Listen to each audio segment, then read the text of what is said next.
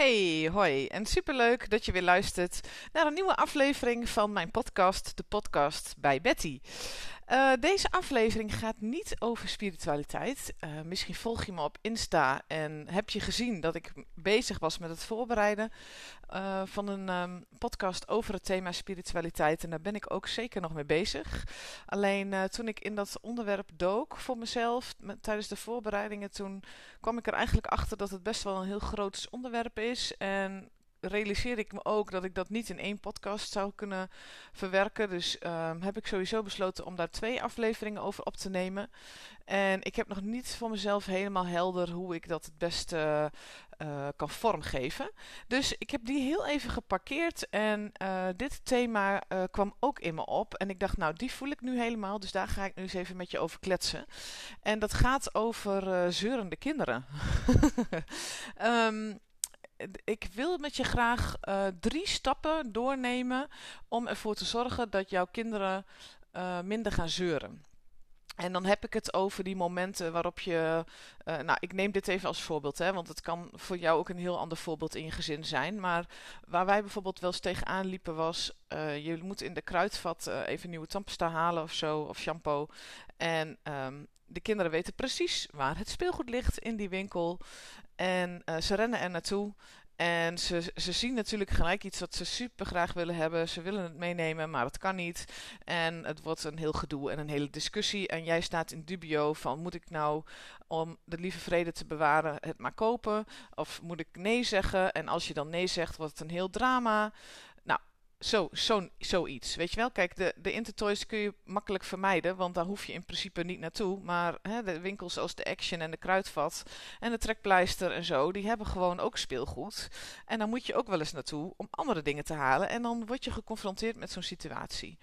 Um, wij hebben um, in ons gezin daar nou, ik vind eigenlijk, dat realiseer ik me dus deze week, dat onze kinderen daar eigenlijk heel erg goed mee omgaan. Onze kinderen kunnen heel goed omgaan uh, met als wij nee zeggen. En dat heeft met een aantal dingen te maken. En daar wil ik je vandaag graag in meenemen, omdat ik dacht, nou, misschien uh, gaat dat jou ook wel helpen.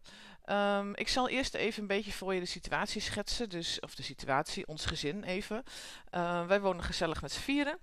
Uh, mijn man Emiel, ik natuurlijk en onze twee kinderen, Nina en Tijn.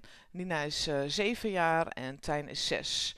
En dus we zijn al voorbij de peuterfase, waarbij ze op de grond gaan liggen uh, met armen en benen trappelen, krijsen, huilen, snot overal.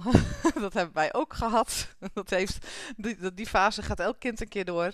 Uh, dat is achter de rug. En ze zijn nu wel op een leeftijd gelukkig waarin we ook heel goed met ze kunnen overleggen en dingen kunnen uitleggen. Maar ik moet je zeggen dat ik sowieso eigenlijk altijd al heel veel aan ze heb uitgelegd. En dat helpt heel erg. Nou, misschien moet ik die uh, uh, toevoegen als stap 4. Want ik heb drie stappen voor je uh, uitgewerkt.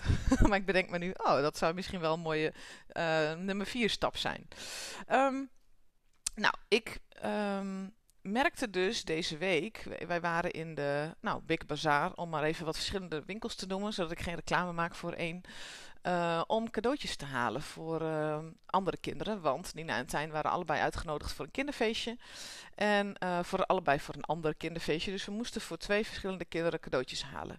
En um, nou hebben we dat natuurlijk wel eens vaker moeten doen. En dan was het altijd wel een beetje een gedoe. Omdat ze dan natuurlijk ook altijd hele leuke dingen zien. Die ze dan zelf willen hebben. En natuurlijk kunnen ze dan, snappen ze ook wel dat ze voor iemand anders wat uit moeten zoeken. Maar oh, dit is al zo leuk en dat is zo mooi en oh, ik wil dat zo graag hebben en ik zou die zo graag willen hebben. En oh, nou, dan is het, dan verzandt je toch wel weer een beetje in zo'n discussie van, nee, dat kan niet, nee, leg dat nou weg. En je weet dat we alleen maar wat voor iemand anders gaan kiezen enzovoort. En deze week was dat dus helemaal niet aan de hand. Ze hebben niet ze hebben wel een keertje gezegd misschien van, oh, die is cool of zo. Of dat is mooi of dat is leuk. Maar ze hebben eigenlijk niet gezegd dat ze iets wilden hebben. Ze hebben nergens om gezeurd. En ze hebben heel goed gekeken naar een cadeautje voor iemand anders. Dus dan heb ik ze, toen we um, klaar waren met uitkiezen, ook echt een compliment voor gegeven. Goh, jongens, ik vind dat zo goed van jullie dat jullie helemaal niet hebben gezeurd om iets voor jezelf. Echt super knap. Nou, en ik denk dat dat komt door een aantal dingen die wij hebben gedaan. Of en nog steeds doen. Uh, en dat zijn dus die drie stappen die ik met je wil uh, bespreken. En dat gaat over um, overleggen, erkennen, consequent zijn. Erkennen en consequent zijn horen, horen bij elkaar als één stap. En de diepere laag. Nou, ik ga je, in, ik ga je erin meenemen. Als eerste um, hebben Emiel en ik hier samen over overlegd, over speelgoed. Want op een gegeven moment, een paar jaar geleden, merkten we dat ons huis steeds voller werd. En een beetje dicht begon te slibben met al dat speelgoed wat die kinderen allemaal krijgen. Um, als ze nog jonger zijn, dan krijg, wij kregen best wel veel dingen van uh, mensen om ons heen die de kinderen net wat ouder hadden. En um, nou, als ze jong zijn, dan gaan spullen nog, uh, dan blijft het best nog wel lang mooi, omdat kinderen snel weer ontgroeid zijn en zo, ook met kleding natuurlijk. Dus we hebben altijd best wel veel gekregen, wat echt super fijn was. En uh, nou, wij waren dan zelf natuurlijk ook wel eens bij zo'n winkel. En dan dachten we, ach, het kost ook bijna niks. Nemen we, nemen we mee, vinden ze leuk. En nou, van opa's en oma's kregen ze natuurlijk ook best wel vaak eens wat. En op een gegeven moment merkten we nou, dat ze best wel veel speelgoed hadden, speelgoed kregen. En dus ook dat ze dan in de winkel begonnen te zeuren erover. En dat ze geen nee accepteerden. En dat het dan dramatisch werd. Weet je, dat ze helemaal bozig werden of huilen. En um, wij dachten, ja, dat moet toch anders kunnen. Dus toen hebben wij samen ook overlegd um, wat we daarin wilden. En wij hebben afgesproken, nou, ze krijgen cadeaus als ze jarig zijn. Ze krijgen cadeaus bij als het Sinterklaas is. En verder in principe niet. Tuurlijk, af en toe wel eens een keertje, als je op vakantie bent, dan uh, worden ze ook wel eens een keer verwend.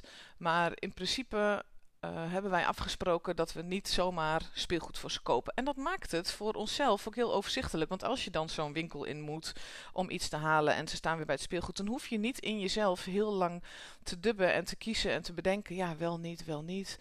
Uh, als je er dan wel mee thuis komt, dan is je partner niet, uh, die heeft dan Um, weet je, dan, dan scheelt je dat ook weer een discussie van, ah ja, maar ze wilde het zo graag. Terwijl je partner misschien denkt, ja, jemig, weer. Dus Um, wij hebben eigenlijk samen gewoon dat overlegd. Nou, als je dus samen met je partner en je kinderen in één huis woont, is dat echt een dikke vette tip om daar afspraken over te maken. Over dat thema wat bij je, waarover bij jullie gezeurd wordt. Hè. Dat kan natuurlijk ook over wat anders zijn. Maar ik neem even speelgoed als, uh, als voorbeeld, omdat ik. Om, nou, omdat dat hier in ons gezin wel uh, een ding was. En omdat ik me kan voorstellen dat het bij heel veel gezinnen wel voorkomt. Um, als je gescheiden bent, bijvoorbeeld, of uit elkaar bent en je bent in je eentje met je kinderen en je kinderen gaan uh, ook naar je ex-partner, ja, dan is dat natuurlijk lastiger, dat begrijp ik. Maar probeer dan in elk geval wel voor jezelf daar um, regels voor te maken, of ja, regels, of gewoon te bedenken hoe jij het zou willen. Wat jij wel en niet goed vindt. En uh, het scheelt je gewoon een heleboel denkwerk en een heleboel gestres in het moment, als je van tevoren daar al over hebt nagedacht. Uh, dus dat zou ik als eerste, als eerste stap heel erg aanraden. Ga met jezelf of met je partner in gesprek over uh, wat willen wij hierin? Welke grenzen stellen we? Welke afspraken maken we hierover? Um, zodat er duidelijkheid is in jouw hoofd. Want dat geeft voor jezelf al een heleboel rust. Nou, vervolgens, als je dat dan hebt overlegd, dan um, kom je natuurlijk weer in zo'n winkel. En dan uh, heb jij dus besloten, wij hadden dus besloten van nou, ze krijgen in principe geen, niet zomaar speelgoed. Uh, dus dan sta je daar in de Action of de Big Bazaar of de Kruidvat of zo. En dan staan ze daar weer met speelgoed in de handen. Oh, deze is zo mooi, deze heb ik nog niet. Oh, deze wil ik heel graag. Oh, mam, mag ik deze, mag ik deze? um, En dan is het dus zaak om bij je afspraak te blijven. En dat is consequent zijn.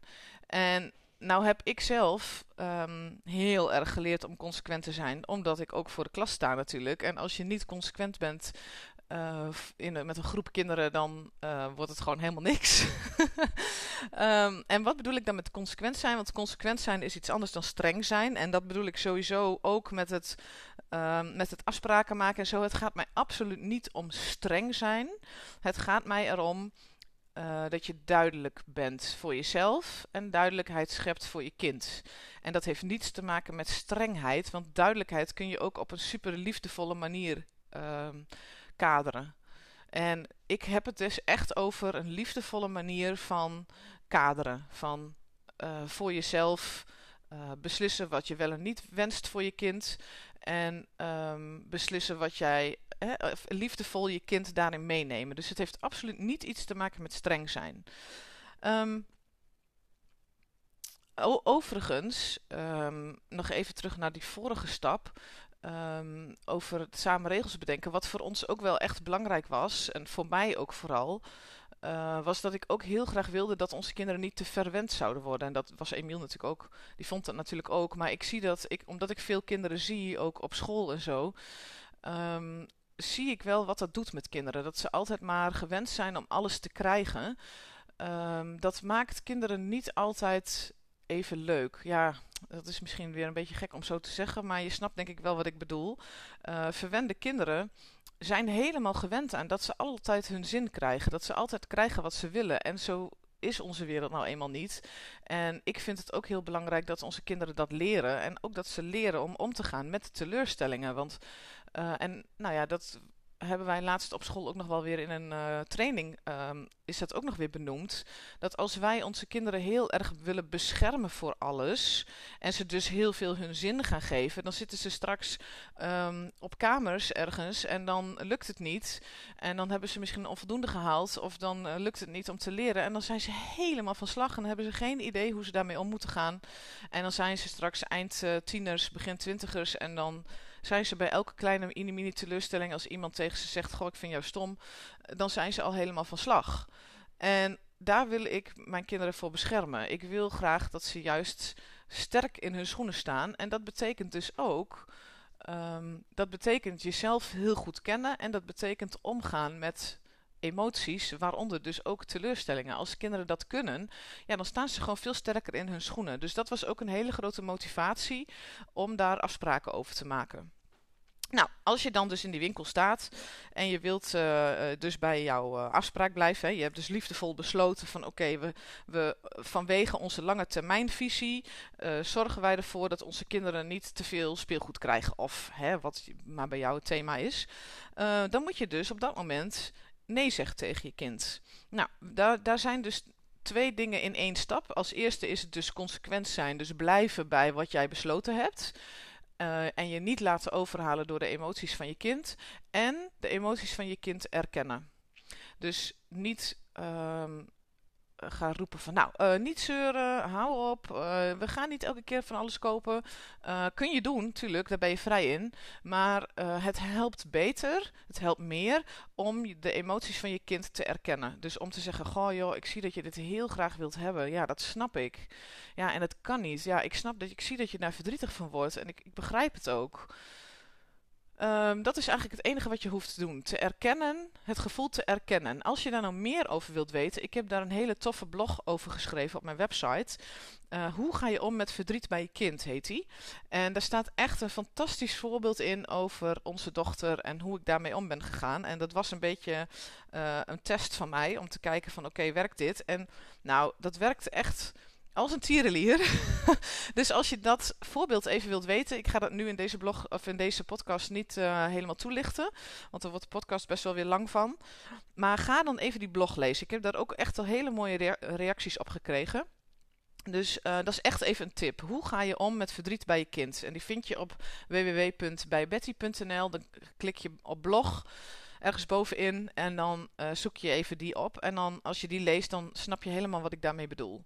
Dus stap 2 is consequent zijn. Dus, en consequent zijn betekent je houden aan de afspraken die je hebt gemaakt. Liefdevol, hè? niet streng, maar liefdevol. Dus je hebt iets besloten en je blijft daarbij. Je gaat niet van mening veranderen. En je gaat het gevoel van je kind erkennen. Uh, dus daardoor krijgt je kind het gevoel dat jij hem of haar begrijpt. Um, vervolgens is er nog een stap 3 en die is echt helemaal alleen voor jou interessant. Want ik merkte bijvoorbeeld bij mezelf dat ik het heel, op, soms heel lastig vond om mijn kinderen niet zo'n speelgoedje te geven. Ook al was het maar een knakending van, van een goedkope winkel. Maar ik gunde het ze heel erg. En uh, ik vond het dan heel moeilijk om bij onze beslissing te blijven. En ik deed het wel, maar omdat in mijn gevoel dat dat lastig was, merkte, voelde bij mijn kinderen pikken dat natuurlijk op van mij. Dus die gingen nog meer zeuren en, en, en proberen mij te overtuigen dat ze dat wel mochten hebben. Dus wat ik heb gedaan is, ik ben op zoek gegaan in mezelf naar die diepere laag. Van goh, wat herken ik hier nou in? En waarom vind ik dit zo lastig? Waarom raakt deze situatie mij zo?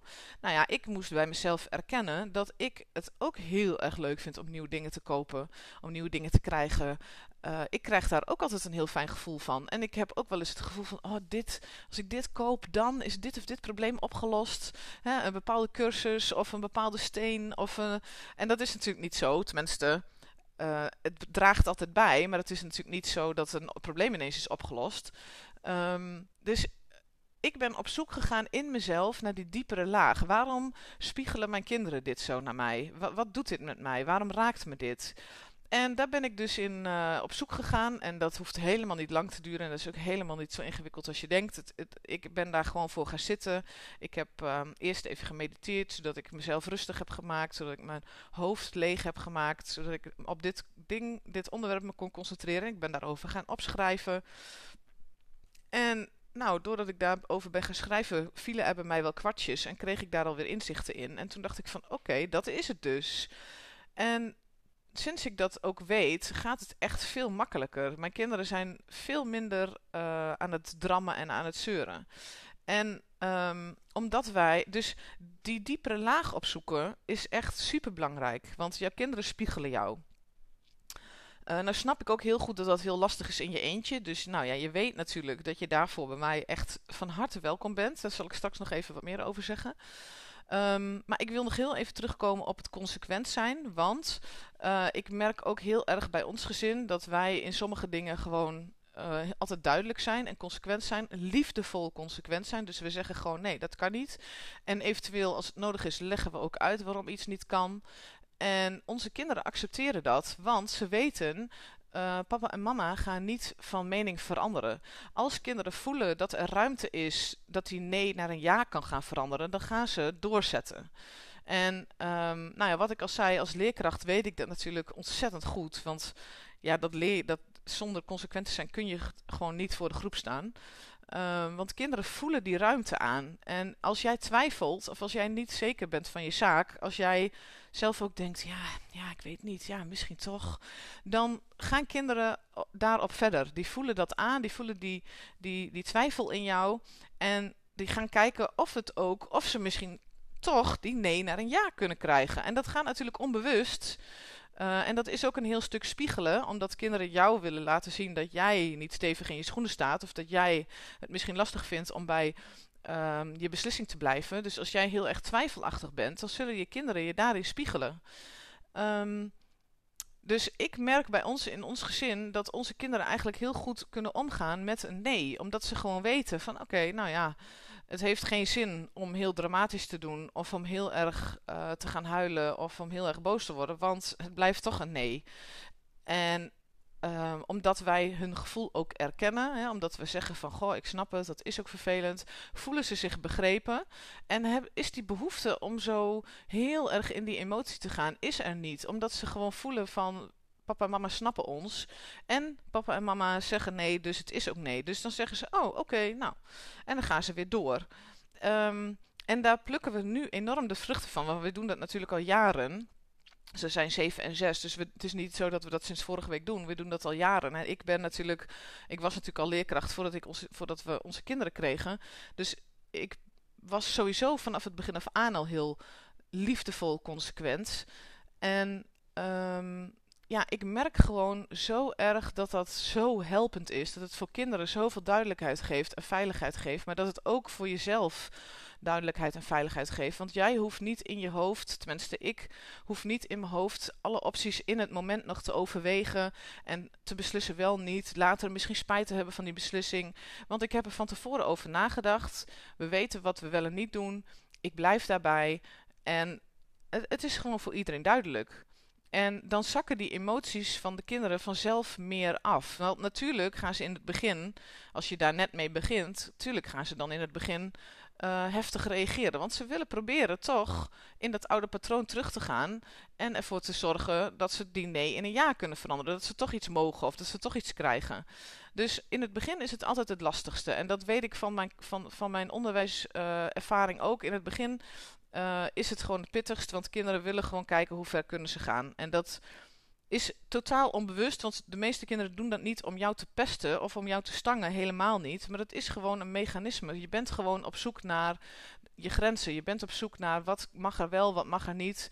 Uh, hoe ver mag ik gaan? Dat is iets natuurlijks in ons allemaal. Dat doen wij allemaal. Op ons werk hebben we ook, worden wij ook onrustig als onze baas de ene dag dit zegt en, maar, en de andere dag het tegenovergestelde. En de ene dag je complimenteert met iets en de andere dag zegt dat, dat datzelfde ineens niet kan. Dus wij zijn allemaal op zoek naar duidelijkheid. Wij zijn allemaal op zoek naar grenzen. Liefdevolle grenzen hè, heb ik het dus over. Um, dus dat is heel belangrijk dat wij als ouders dat onze kinderen bieden. En dat doe je dus met deze drie stappen. Ik zal ze nog even weer kort voor je herhalen.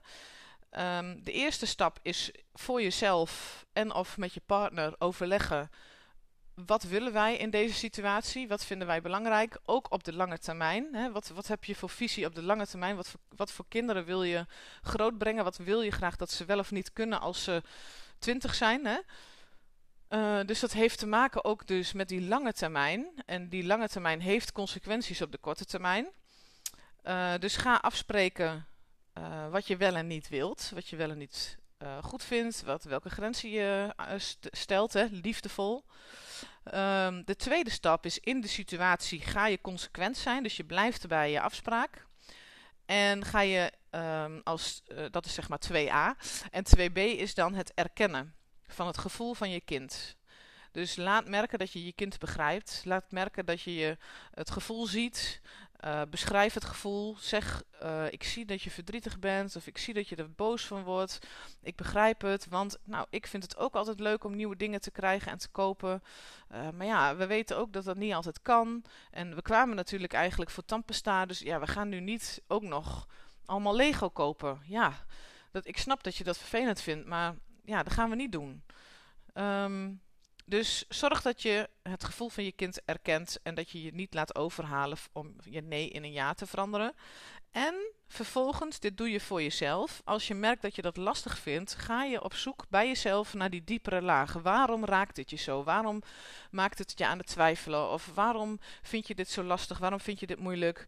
Um, nou, en dat is een, een stap die misschien niet altijd alleen lukt. Dat snap ik heel goed. Um, je kunt ook gerust uh, mij daarvoor inschakelen natuurlijk. Hè? Want ik ben daar juist um, heel scherp in om je daarin te helpen die diepere laag op te zoeken. Dat is mijn werk natuurlijk. Als coach ben ik altijd op zoek naar de diepere laag. En die diepere laag vind je door een gewone dagelijkse situatie te nemen en uit te zoomen en op zoek te gaan naar um, wat raakt je hierin? Wat vind je hier lastig aan? Wat, hoe heb jij dit zelf als kind ervaren? Uh, en dan kom je gewoon in automatisch al in die diepere laag. En als je dat lastig vindt, um, hoef je niet per se een heel traject bij mij te starten. Dit vind je niet echt op mijn website, maar je kunt ook kiezen voor een adviesgesprek. Dus dan maak je gewoon een afspraak voor één sessie. En dan nemen we gewoon die situatie die jij lastig vindt, die gaan we gewoon samen uh, bespreken. Ik ga je helpen om die diepere laag op te zoeken en te kijken welke inzichten je daaruit kunt halen. En dan ga je gewoon met een heel ander gevoel en veel meer zelfvertrouwen, ga je weer weg. En dan laten we het ook daarbij als dat voldoende is voor jou. Weet je, dat kan. Want ik heb dat wel eens vaker gehad met ouders. Ook in een traject van hun kind. Um, dat dan ouders ook voor één sessie komen en een bepaalde situatie kunnen bespreken waar we het dan over hebben samen, waar die gaan we uitpluizen en onderzoeken en dan kunnen ze weer verder. Dan is dat helder en dan is dat duidelijk en dan heb je daar weer, dan kun je er anders na naar kijken en dan geeft dat weer heel veel rust in jezelf, in je eigen hoofd, in je eigen lichaam. Dus Um, maar goed, zoals ik al zei, dat kun je niet echt op mijn website vinden. Dus als je nou dit hoort en je denkt, oh ja, ik heb daar wel heel erg behoefte aan om gewoon even één gesprek te plannen, om een bepaalde situatie uit te pluizen en daar wat meer inzicht in te krijgen, stuur me dan gewoon even een berichtje. Dan gaan we dat gewoon plannen. Um, dat is totaal geen enkel probleem. Dat is juist uh, hartstikke goed als je dat zou willen, want het helpt alleen maar jou en je kind. Want hoe meer jij in die spiegel durft te kijken en hoe meer jij op oplost in jezelf, hoe makkelijker het voor je kind wordt. En dat merk ik zelf ook. En ik merk dat sowieso in mijn praktijk. Als ouders dat durven, naar zichzelf te kijken, um, lost dat voor jezelf heel veel op en ook onmiddellijk voor je kind. Dus voel je van harte welkom om, uh, om dat te doen. Ik help je er heel graag bij. Um, nou, dan hebben we de drie stappen gehad. Um, overleggen, regels of grenzen liefdevol stellen met een lange termijn blik.